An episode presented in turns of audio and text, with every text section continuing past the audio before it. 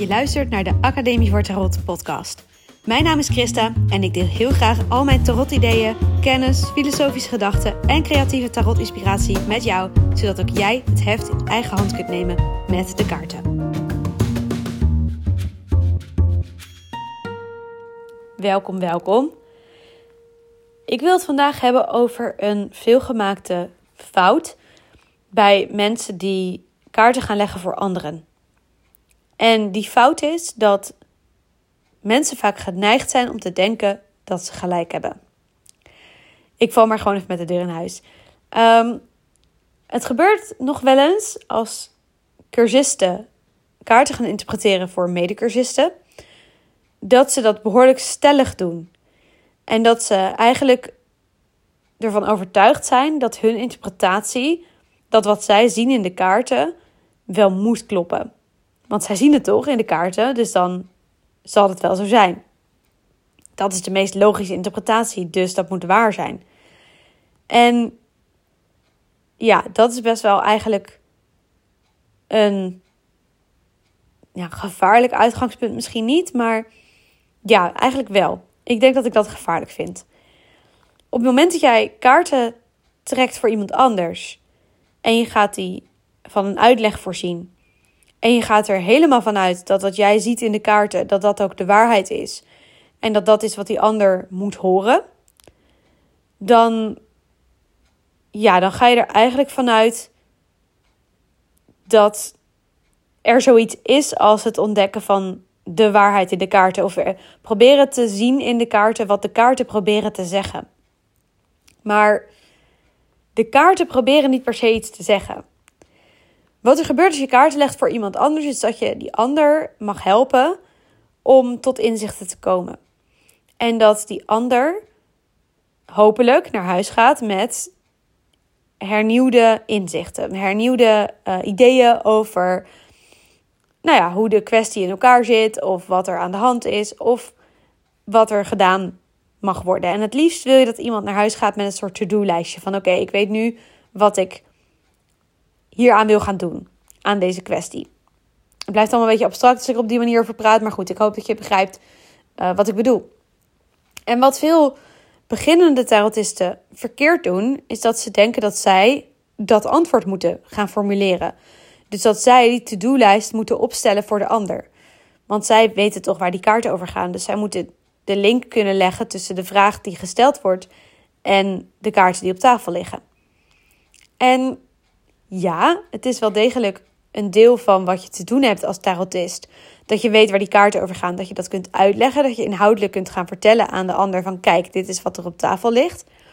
Maar het is niet jouw taak om daar harde conclusies aan te verbinden of om aannames te gaan doen op basis van wat jij denkt te zien in die kaarten. En ik zie best wel veel gebeuren dat mensen dus als ze tarot eenmaal een beetje hebben leren kennen en voor zichzelf hebben uitgevogeld hoe ze voor zichzelf kaarten kunnen leggen, dat ze dan ervan overtuigd zijn dat als zij iets zien in de kaarten, dat dat dan ook zo moet zijn. Maar dat is niet hoe tarot werkt. Um, tarot werkt eigenlijk doordat je verschillende gezichtspunten kunt gaan onderzoeken aan de hand van de kaarten.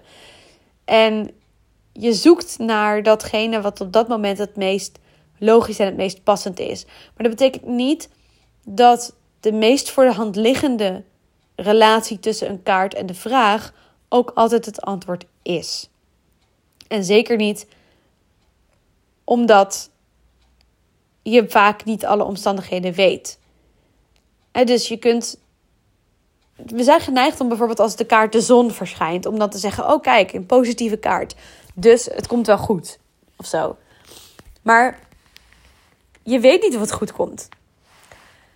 Dus ik vind het altijd, ik vind het gevaarlijk als mensen gaan zeggen: Oh, er ligt een positieve kaart, dus het komt wel goed. Of oh, er ligt een negatieve kaart, dus.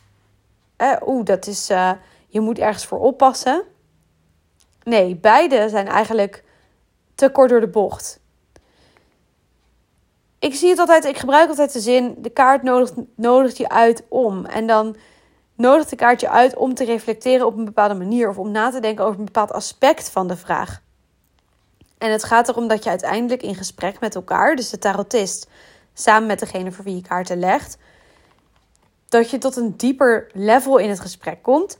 Dat je op een dieper niveau van begrip komt van de situatie. Doordat de kaarten je helpen daarbij. Maar niet doordat de kaarten het juiste antwoord hebben. Of doordat jij als tarotist ehm, het puzzeltje moet zien op te lossen. Nee. En ja, ik zie dat toch nog wel dat cursisten dan die overtuiging hebben dat ze de juiste oplossing moeten vinden. Of hè, alsof het een soort spelletje is van de, de vraag die wordt gesteld, daar is één goed antwoord. En met de kaarten gaan we dat goede antwoord vinden. Maar tarot is veel genuanceerder dan dat. En tarot brengt je hopelijk tot hele mooie, diepe gesprekken met elkaar. Maar er ligt niet een pasklaar antwoord voor je klaar dat je moet zien te ontcijferen. Ook al zouden we dat graag willen, ook al zou dat het leven wat makkelijker maken, dat is niet hoe het werkt.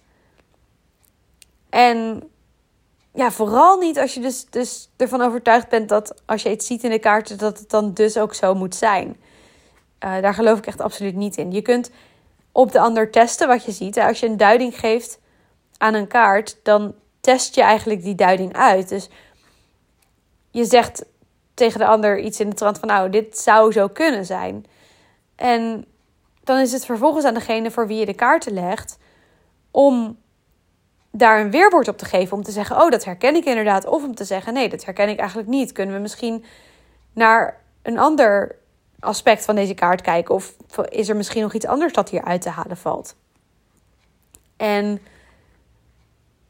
ja, ik zie te vaak gebeuren, vind ik zelf ook. Ik zie het ook vaak op forums of zo. Dat als iemand dan vraagt van, kun je even met me meekijken wat de kaarten kunnen betekenen?